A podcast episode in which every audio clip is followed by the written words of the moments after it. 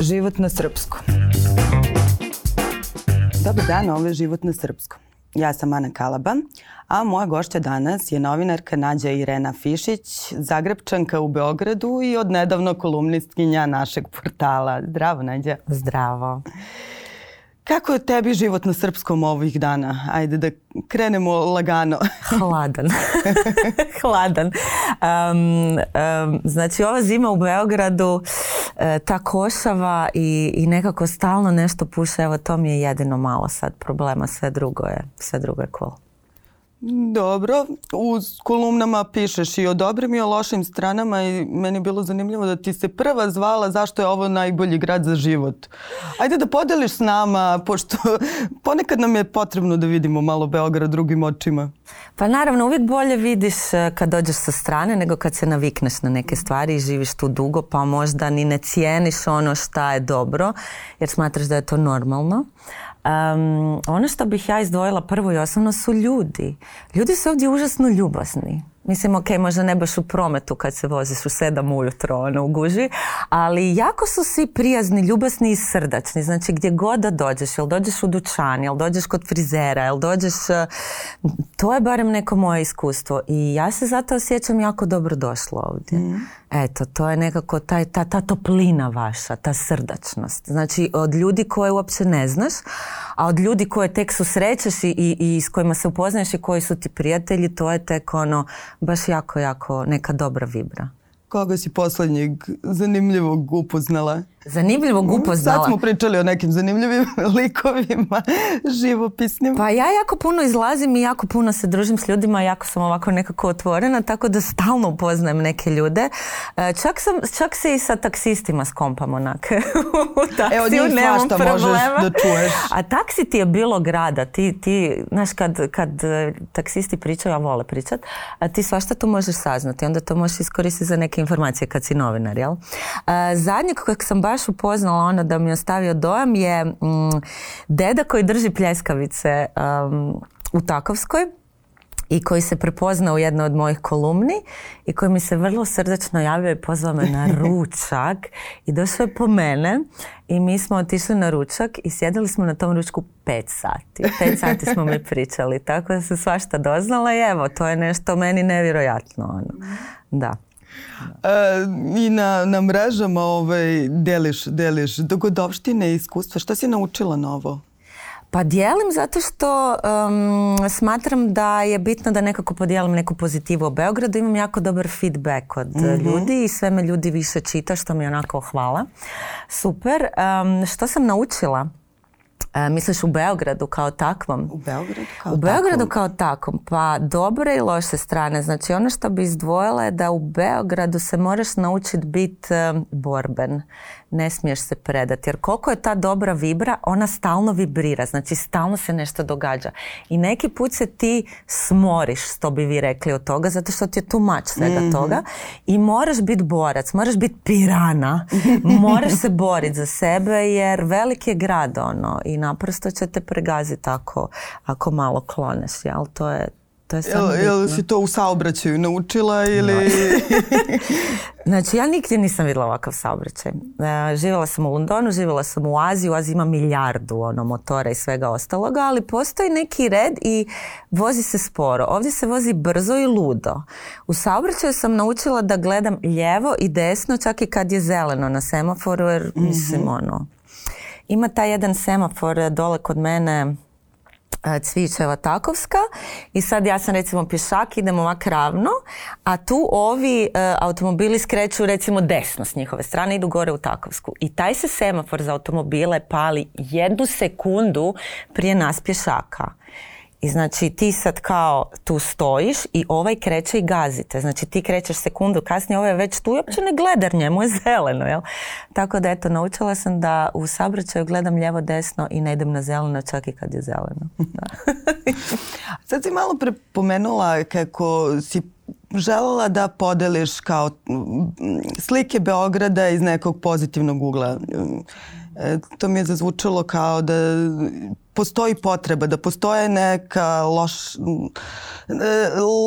loša mišljenja, ne, ono, pa, predrasude koje nisu baš ok i koje treba razbiti. Pa da, e, pa mislim vjerojatno kao i na cijelom ovom području e, bivše Jugoslavije na području Balkana ili regije kako je sad zovemo, svi bi nekako išli van Mm. jer misle da je vani super, da je vani bolje, da je vani wow, jel?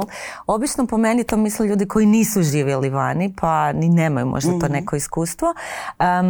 po meni je odlika Beograda i Srbije to što nikad nećeš ostati gladan, nikad nećeš ostati žedan, nikad nećeš ostati sam. Ta spremnost vas kao nekakvih domaćina e, i ljudi da se mi stranci osjećamo dobro došlo, da se izađe na cugu, na klopu, to nećeš doživjeti u jednom Londonu, to nećeš doživjeti doživjeti u Francuskoj, to nećeš doživjeti ni u Aziji, ono. to ćeš doživjeti tamo od naših mhm. ljudi.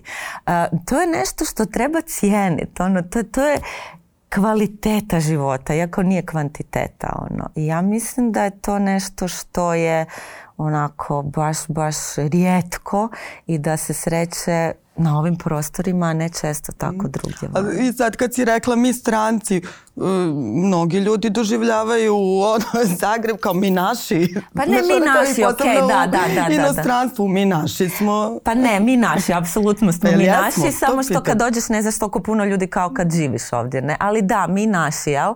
I kad si vani, kad živiš vani, uvijek postoji zajednica naših, Srbi, Hrvati, Bosanci, mi smo svi naši vani i mi se svi považemo vani, ne? Mhm tako da da, je, mi smo naši definitivno. Zanima me taj, iz tvog ugla kako izgleda taj odnos Beograd-Zagreb?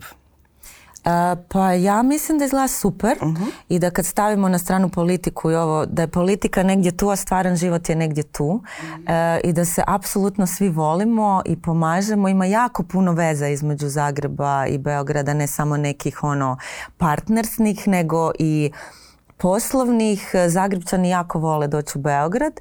Beograđani jako vole mm-hmm. ja gdje god sam došla i rekla sam da sam iz Zagreba, što skuže odmah po govoru, svi su bili one joj, pa ja imam, ne znam, brata, bratića, prijatelja iz vojske, ono, bili su čak i Jel znaš? Jel možda znaš onog Marka iz Zagreba? Kao da, naravno. ovaj, tako da mislim da su odnosi ljudski odlični. Mhm. Baš su dobri, da.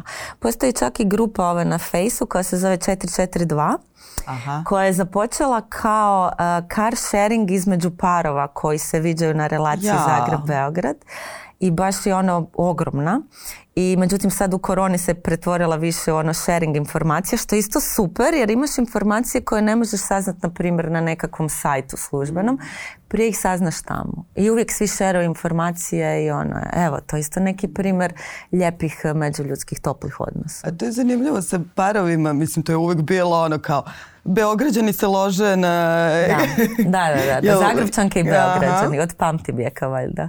Mislim da je nešto u naglasku. Znaš, ono, Beograđani imaju taj šarmanta naglasak, a mi imamo taj neki ći, Da, ne znam, eto. Pa boga mi, s drugog ugla to drugačije izgleda. Evo, Zagrebčani imaju taj... A kakvo je tvoje iskustvo? Ajde, šta je Sa tebi? Sa Beograđanima. Kod, Kod Pa gle, Beograđani su ovako, užasno su šarmantni. Znači, nema do beogradskog šarma, jel? E, puno će ti prije prič, nemaju srama i osjetit ćeš se jako lijepo u njihovom društvu, ali će ti isto tako puno lakše ispalit prije nego Zagrebčani. Zagrebčanima treba puno više da ti priđu, mislim, možete se gledati prek šanka, onak dvije godine ništa se neće dogoditi. Beograđanin odmah priđe, t, t, t, t, ali će te ispalit puno lakše nego Zagrebčanin. A možda te nije ispalio, možda samo kasni. Možda samo kasni, onak 20 minuta, da da, da, da, a ja točno ono u sekundu. da, to je neka razlika, ovaj, da, ta beogradska obećanja, ne samo kod muškaraca, nego kod svih i ta kašnjelja. od meni je to fascinantno. Evo, to je isto jedan kulturološki šok, jel? Kad sam tek došla, pa se dogovorim, ne znam, s nekim, nađemo se u osam. Ja dođem stvarno u osam. Oni svi dođu od pol devet nadalje. Ja u potpunom šoku. Pa, pa kako u pol devet? Ajde da zakasneš deset minuta ili 15 najviše. Ali da, da. Pa ne, mislim, ne znam šta bi ti rekla, to je jedna od stvari gdje sam se ja prepoznala. Ja krenem onda u osam, tamo da se svi drugi skupe i da. Ali znaš kako ti, dru... ko su ti drugi kad svi drugi kasne? Ja sam ova, imala situacije, na primjer kao u nekoj kafani se dogovorimo i sad imaš rezervaciju, jel svagdje imaš mhm. rezervaciju u Beogradu i onda ti kažu lijepo držimo vam rezervaciju pol sata ja onda ko štreber dođem točno kad treba da slučajno rezervacija se ne otkaže. I onda se svi skupe ono pol sata, sat vremena kasnije.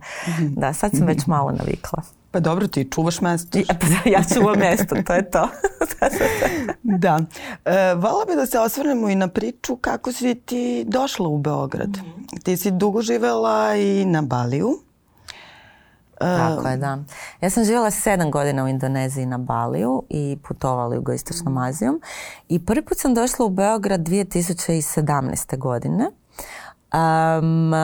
došla sam zato što na Bali ima jako, jako puno Srba, jako puno Beograđana, posto, pošto postoji neki dil između srpske i indonežanske vlade koja Srbima omogućava master na, znači Javi, na, Baliju i jako puno ljudi dolazi na taj master i tako sam upoznala jako puno Beograđana baš na Baliju. I što rade? U tom Znači studiraju na masteru, obično poslije ostanu neko vrijeme. To ti je, ne znam, master iz ekonomije, turizma, umjetnosti. Mhm. I kako smo imali taj veliki community, naš XU, uh, eh, jako puno Srba i Beograđana sam upoznala i došla sam 2017. kod jedne svoje prijateljice i tako sam bila mjesec dana u Beogradu i ja kad sam došla ovdje, znači sjećam se, izašla sam iz Blablakara i ovak sam malo pogledala i kao wow, ovdje je neki dobar vibe, ono na prvu mi se svidjelo i svi su tako bili srdačni, ljubazni i od 2017. sam dolazila bar 3-4 puta mm. ovaj godišnje i odlučila sam se preseliti e, 2020. i došla sam, znači službeno živim od 11.9.2020. Evo sad će već biti godina, godina i nešto, da. Zašto sam se odlučila preseliti? E, pa u doba korone mm, nekako sve je bilo zatvoreno, nisi mogao nigdje otići. Ja sam bila u Zagrebu baš kad je bio onaj užasan potres i baš je bilo jezivo. I mm, e, zbog nekih osobnih razloga sam odlučila doći u Beograd i imala sam tu već jako veliki community, znači nisam trebala počinjati iz početka. Relativno je sve bilo slobodno, došla sam nakon onih vaših jako dugih lockdownova. Znači sve je dalje u Srbiji u Beogradu radilo. Znači mogo si otići na kavu, mogo si se družiti s ljudima. E, bilo je donekle slobodno. Ono. Mhm. I čak i u najgore doba korone. Da. To puno znači. Pa to je posle onog perioda, da. Da, to je ono poslije prvog perioda, da. Da, da, da, da. Tako da je baš za mene to bilo nekako pokazalo se super izbor. Mhm. A kad si odlučila da ostaneš? Pa odlučila sam, znači, u tom devetom mjesecu prije godinu i nešto doći, ostati i probat. Pošto radim online, mogu biti bilo gdje. Mhm tako da mi to nije bio problem i eto došla, vidjela, ostala. I tako. Ne, ali zanimljivo je eh, kako izgleda život na Baliju, a kako izgleda život tu u Beogradu. mi posebno. Diametralno suprotno. Pa znači, Bali je tropski otok gdje si ti cijele godine u Japankama, gdje si ti onako polugol, ideš na surf, voziš motor, sve je sloboda. sve izgleda idilično, međutim isto kad si tamo duže i živiš e, malo dulje vrijeme, skužiš da je to zemlja trećeg svijeta, pa da Koliko recimo... si ti tamo? Sedam godina? Sedam godina, mhm. da. E, skužiš da recimo Tekuća voda nije nešto što se podrazumijeva, znači nema tekuće vode. Užasno je zagađeno, oni nemaju svijest o tome, znači svi bacaju plastiku u oceanu, nemaju ispušne ventile na tim milijardu motora. Znači o tome uopće ne razmišljaš, jel, kao dođeš turist. Velika je vlaga. Ono što je meni recimo bilo strašno, što sad zvuči smiješno, je što je svaki dan prekrasan a ti mi da jedan dan, na primjer, nije prekrasan jer si baš u bedu ne da ti se da je prekrasno i malo bi bio ono nesretan. muke. A svaki dan ono je predivan dan. Nema godišnjih doba. To nakon nekog vremena počne biti problem.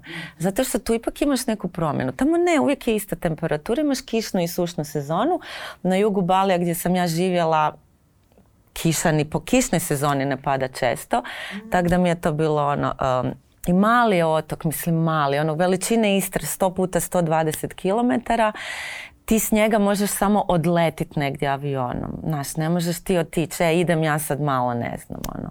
Tako da se nakon nekog vremena počneš osjećati skučeno i moraš otići nakon nekog vremena da bi se vratio, naravno. Ali da, sve ima svoje. Kad negdje živiš i kad si samo turist, onda vidiš i te druge strane. Eto, da. da. Da.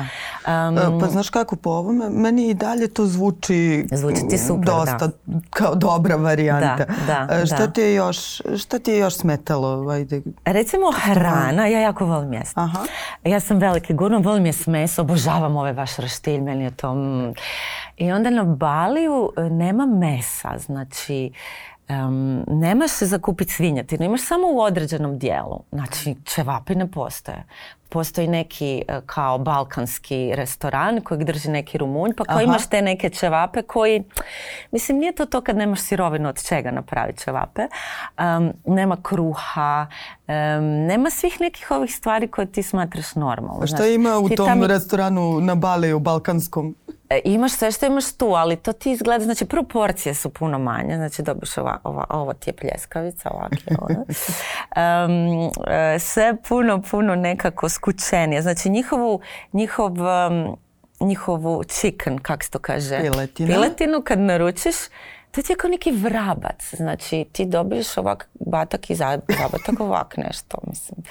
E, to nisu te balkanske porcije na koje smo mi navikli. Tamo jede puno riže, puno povrća, ribe. što ti je okej neko vrijeme, ali onda se malo zaželiš nekih drugih stvari, znaš, ono. To mi je recimo bio problem do te mjere da sam Kupili smo na kraju pečnicu, tamo niko nema rernu, tamo ne postoji rerna, na primjer. Onda smo mi na kraju kupili tu neku rernu, ja sam se naučila raditi kruh, fokače, pice, ono, toliko mi je bila ta želja. Pečeni krumpir, krumpir je užasno skup. Šljive su basnoslovno skupe. Znaš, jede se tamo šta imaš, papaju i one sve neke stvari. Tako da, mislim, prilagodiš se, ali da, evo, te stvari su mi baš bile falile. Mortadela, koju ovdje uopće ne jedem, ali tamo bi baš mortadela. Znaš, kad nešto nemaš, onda ti je to da, ono. da.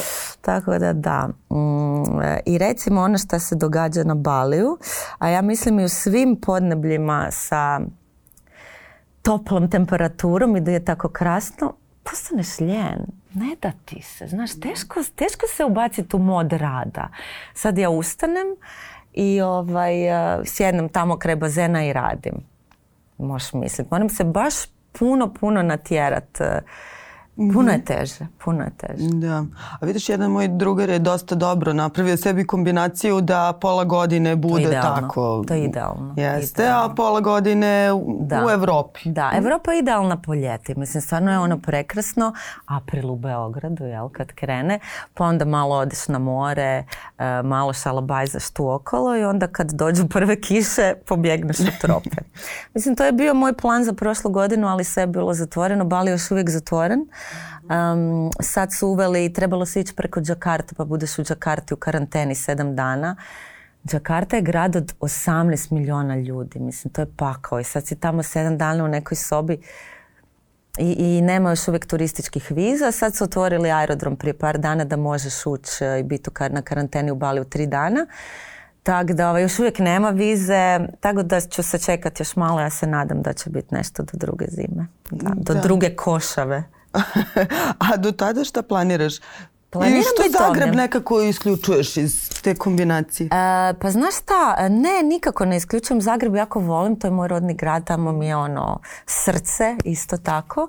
E, Zagreb mi je isto lijep kad je neko proljeće, pa odeš pa se na biciklu, pa odeš u Dalmaciju kad je ljeto. E, ali u principu moj stan u Zagrebu je iznajmljen i onda tako skvotam kod nekih frendova kad negdje odu. pa mi je to isto možda malo problema ali ne, meni bi bilo idealno taj neki trokut ostvariti Zagreb, Beograd, Bali i tako ono, putovati tijekom godine. Mislim da je ostvarivo kad imaš online biznis. Pa jest. Da, da, da, to i može. Mislim, to je prostor koji se otvorio. Definitivno. Korona nam je pokazala da mhm. ne moramo sjediti u uredima, jel? Mislim, ja radim tako već osam godina i ta moja sloboda mi je nekako jako, jako bitno, jako puno košta živaca i stvarno neki put hodeš po rubu, ali evo još uvijek mislim da mi je sloboda vrijedna svega toga. Da, da. A šta je, kako plaćaš tu slobodu? Pa plaćaš nerviranjima, znači plaćaš tako da sad imaš na primjer pet klijenata, pa onda nemaš ni jednog. Pa odjednom zarađuješ puno, pa odjednom ne zarađuješ ništa. Znači ništa nije sigurno, nemaš plaću ono koja mm. stiže određeni dan u mjesecu da možeš računati na to. Mm. Ne računaš na ništa i oslonjen si sam na sebe. Tako da taj dio nije ni malo zabavan. Nije ni malo zabavno. A opet s druge strane, sam si svoj šef, biraš šta ćeš raditi, s kim ćeš raditi. Meni je to još uvijek nekako neprocijenjivo. Da, i nedavno sam čitala neko istraživanje. Beograd je onako označen kao dosta dobro mesto za freelancere. Za digitalne nomade, da. Je, da, Može da se živi u Beogradu? Može. E, znači ti kad pogledaš koliki su ti troškovi života u Beogradu ili negdje drugdje u europskim gradovima, Beograd je među jeftinijima. Ako imaš plaću iz neke Evropske unije, jel, kao što zarađuje većina digitalnih nomada. Ovdje nađeš stan između 300 i 600 eura, za razliku od neke francuske di soma i nešto eura. što nama isto deluje kao poprilična cifra na mjesečnom nivou. Mm. Da. I tebi zapravo ovdje treba, dovoljno ti je Znači ako hoćeš živjeti ok u Beogradu, da imaš, e, da iskoristiš sve sadržaje, da živiš u lijepom stanu, da možeš izlaziti van, tisuću eura ti je dovoljno, hiljadu eura ti je ok. Što većina digitalnih nomada ima, razumiješ? Um, ovdje, s obzirom na ove plaće, to izgleda kao jako velika cifra. Ali ljudima koji dolaze sa strane živjet, to je nekako ok, ne? Jer e, hrana je recimo poprilično jeftina, čak i usporedbi sa Zagrebom je jeftina hrana i mhm. izlasci. Kod nas je sve otišlo užasno, užasno uh, u nebesa. Tako da da, mislim da pogotovo nekim Talijanima, Francuzima, Englezima, Amerima, znaš, to je ono. Da. Da. Oni da, dođu da. i opušteno im je I opušteno totalno. mogu biti ovdje. Da, da, da, da. I mislim da se osjećaju svi jako dobro došlo. Da. A možeš da napraviš paralelu sa Zagrebom? Što se e, tiče... E, kako izgleda jedan dan, kako e, svakodnevni život e, za nekoga ko nije došao iz Amerike sa džeparcem, nego Pazi, osnova, po meni, osnovna razlika između Zagreba i Beograda je što je Zagreb neki dnevni grad gdje ti ideš na kavice, gdje se sve događa ono preko dana i Beograd kojem je landmark noćni život. Mm. Znači u Beogradu možeš izlaziti svaki dan ako ti Ali i sada kad je ono, korona sve malo nekako pomerila. Pa je, ali i dalje se izlazi. Misli, mm. postoji certifikat, postoji neka pravila, ali ako ih ispoštuješ, nemaš ograničenja. Mm. Tako da Beograd i dalje živi on ono po noći i, i, i, to mu je nekako zaštitni znak zbog kojeg ljudi dolaze ovdje. E, Zagreb to nije. Zagreb je dnevni grad. U Zagrebu ono, možeš izaći na kavicu, možeš izaći na ručak, ne možeš baš izaći ono u ponedjeljak na večer sad do pet ujutru. U Beogradu možeš ako mm znaš mjesto. To je neka osnovna razlika. E, Zagreb je isto tako grad za bicikl, idealan. Znači ti svakdje s biciklom stigneš ono za 15 minuta jer je sve ravno i nije toliko lud promet. Ja mislim da ja izađem tu u Beograd na biciklu, e, tamo gdje živim, e, kraj baš bašte, da bi me neko ubio otprilike na tom biciklu. Tako da taj dio mi recimo fali. E, Zagreb pa nije, ali evo sad možeš na trotinetu možda. Pa ja mislim da su ti trotineti ono užasno opasni, zato što su bešćujni, kužiš, ti ga uopće ne čuješ negdje iza i mislim da sam čak čitala podatak da ima toliko nesreća tih ljudi koji se voze na tom trotinetu jer ih niko ne kuži da im dolaze iza, kuši samo bam ono. Ne bi se usudila voziti trotinet niti bicikl u beogradskom prometu. Možda na Novom Beogradu, koji je za mene neki skroz drugi grad od ovog Beograda, ali tamo di sam ja, ne, ne, baš je ono nabrijano full. E, Zagreb ima puno više parkova, puno je zeleniji, e, Beograd je baš ono beton, beton, ali ima neku vibru. Ja to kažem kao da je Zagreb jedna stara uglađena frajla, a Beograd je ono frajer. Eto, to tako nekako da kažemo. Usporedba, da. A neki drugi gradovi, ajde sad kad si već krenula lepo tako da ih... Pa znaš šta, ovaj, recimo živjela sam u mogu reći tamo gdje sam živjela, živjela sam u Londonu kad sam bila mlada. E, London je fantastično mjesto za život kad si mlad ili kad imaš jako puno novaca. Znaš, za lifestyle koji ja ovdje imam u Beogradu, ja moram biti milioner u Londonu, ono, da mogu izaći na večeru, tad živjeti u lijepom kvartu. Ne? azijski gradovi, su strašni, znači u Aziji ne žele živjeti u nekoj Manili ili u Džakarti zato što ima jako puno ljudi i nije kvaliteta života nego ljudi samo rade da bi zaradili, ne, nema te, te komponente mm. zabave recimo kao ovdje. Um, tako da ovaj, uvijek biram neki europski grad naspram azijskog grada ili neku plažu ono kad je ovdje zima. Eto, da. Da, ti si baš, baš onako obišla svet i znajući tvoju, tvoju biografiju, znam da si u nekoliko navrata onako bukvalno skakala i počinjala iz početka. E, kako, kako to izgleda? Mislim, e, prilično su različite i mesta gde si živela i baš je onako fascinantna ta spremnost i ono kao, okej, krećemo, ulazimo u ovu priču novu. Da, treba možda neka doza ludosti ovaj, sad kad se okrenemo, ono stvarno, uh, znači ja sam sa svojim bivšim partnerom 2013. Mi smo sve prodali, iznajmili svoje stanove i sa backpackom i 14 kila na leđima otišli živjeti krenuli smo od Bankoka. Kajmo mi sad kupiti ono kartu u jednom smjeru za Bankok pa šta bude? Mislim, potpuna ludost. Ja nisam znala u šta se ja upuštam. Pritom ja nemam 20 godina, imam 30 i nešto. Krećem iz početka. Međutim, živjela sam u Londonu isto tako kad sam bila mlada. Sad sam došla u Beograd u svojim četrdesetima, ali ja mislim da te svako to bacanje na glavačke u nešto nepoznato osnažuje da vidiš od čega si sazdan i da se moraš izložiti i da moraš izaći iz zone komfora jer samo tako možeš rast u smislu da vidiš ono šta ti zapravo sve možeš i ko si ili šta si ne. Tako da ovaj, zastrašujuće je ali mislim da je potrebno mislim da je stvarno potrebno, da. I da li bi ponovo tako? Pa vjerojatno da. vjerojatno i hoće. Da. da. A jel postoji nešto što bi si htjela pa ipak nisi uradila? što sam htjela ipak nisam uradila. Um, pa da, kako ne, sto nekih stvari. Uh, na primjer, e, nikad nisam otišla u Južnu Ameriku. Mm. Htjela biti u Južnu Ameriku. E, ja to planiram ove vidiš, godine. Eto, Južna Amerika, na primjer, ali ono, ne sad preko neke agencije, nego isto staviš backpack pa ideš, vidiš ono o čemu se radi. Ne? Treba mi hrabrost da to napravim, na primjer, sama. Mm. Pošto sam Aziju obišla sa svojim bivšim partnerom. I onda ipak imaš neki znaš, kao imaš neki oslonac, imaš neku sigurnost, nisi full sam. ali ovo, otići na primjer u Južnu, Južnu Ameriku i tako biti par mjeseci i vidjet. E, s tim da e, moje iskustvo putovanja je pokazalo da je svijet jedno prekrasno i sigurno mjesto. Znaš, ti se njega bojiš samo kad si, evo sad si u ovom naslonjaču, joj strašno je ono, nije strašno. Samo kad napraviš prvi korak i kreneš, svi će ti pomoć, čuda se počne događati kad kreneš na put. Mislim, to su takve priče da, da stvarno počneš vjerovati u čuda i u ljudsku dobrotu, samo kad počneš putovati. Ja mislim da bi svako trebao sa, sa 18 godina ono, ići prvo proputovati svijet, da ga se baci negdje i da vidi od čega je stvoren. Nismo svi stvoreni za putovanje ili za tako nešto, ali ono čisto da se malo ispitaš da vidiš šta bi dalje htio u životu. Eto, ja to vjerujem, da i ajde sad, e, koje su tvoje preporuke za prvi korak u Beogradu, Zagrebu? Prvi korak u Beogradu, Zagrebu. Neko ko dolazi, šta bi trebalo da bude taj okidač da krenu stvari da se dešavaju?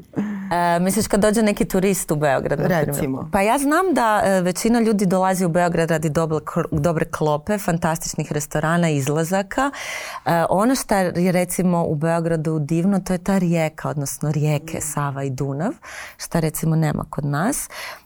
Taj moment kad ti sjediš na nekoj splavi, ono, život ovako prolaziti nešto fino jedeš, gledaš ono neki sunset. To je prekrasno. To je nešto šta Beograd nudi i, i apsolutno treba iskoristiti. To prvo treba otići čim dođeš u Beograd. E, kad dođeš u Zagreb, mm, šta prvo trebaš napraviti? Trebaš otići na trg Bana Jelačića i prošetati se, na primjer, Gornjim gradom koji je prekrasan, jer Zagreb je stvarno prekrasan i ti ostaci Austro-Ugarske su divni, pa vidiš sve te neke ono bivše vile, bivše palače koje imaju svoju povijest, eh, prošetat se, pogledat cijeli Zagreb s gornjeg grada. Um, eto, to je, to je nešto što, što bi ja rekla prvo napraviš kad dođeš u Zagreb. Ne? A gdje naći najbolje, najbolju ekipu? Pa ako znaš lokalce. Aha. Uvijek ti je bitno da znaš nekog lokalca. Gdje god da ideš, um, moje iskustvo je pokazalo da ti taj lokalac odmah te ubaci znači u priču. Ne moraš dugo tragat. postoji neka platforma ljudi koji putuju, znaju, zove se Couchsurfing, kad ti ono besplatno spavaš kod nekih domaćina, ali čak se možeš i samo s njima naći da ti kažu di se najbolje jede, di se najbolje pije, šta vidjet. I ako se tako povežeš s ljudima, čak i ako dođeš negdje na jako kratko, ti si odmah u srži stvari. Evo, to je po meni fantastična stvar. I tako isto nastaju neka prijateljstva koja traju godinama. Znači zapravo cijelog ovog mog Beograda ni Balija ne bi bilo da nije bilo couchsurfinga jer je ova moja najbolja prijateljica iz Beograda ugostila lika iz Zagreba koji je došao kod nje, koji je poslije išao na Bali, koji je ugostio njenog e, muža koji je tamo došao raditi i tako se samo sve zarola. Eto, da, da. Život. Život je čudo. Eto, po meni je život stvarno čudo. Samo treba sudjelovati u njemu, a ne ga promatrati sa strane. Kako sam mudra. e pa lepo je to i time da završimo ovu epizodu. Hvala ti, Neđa. Hvala tebi na pozivu, Ana.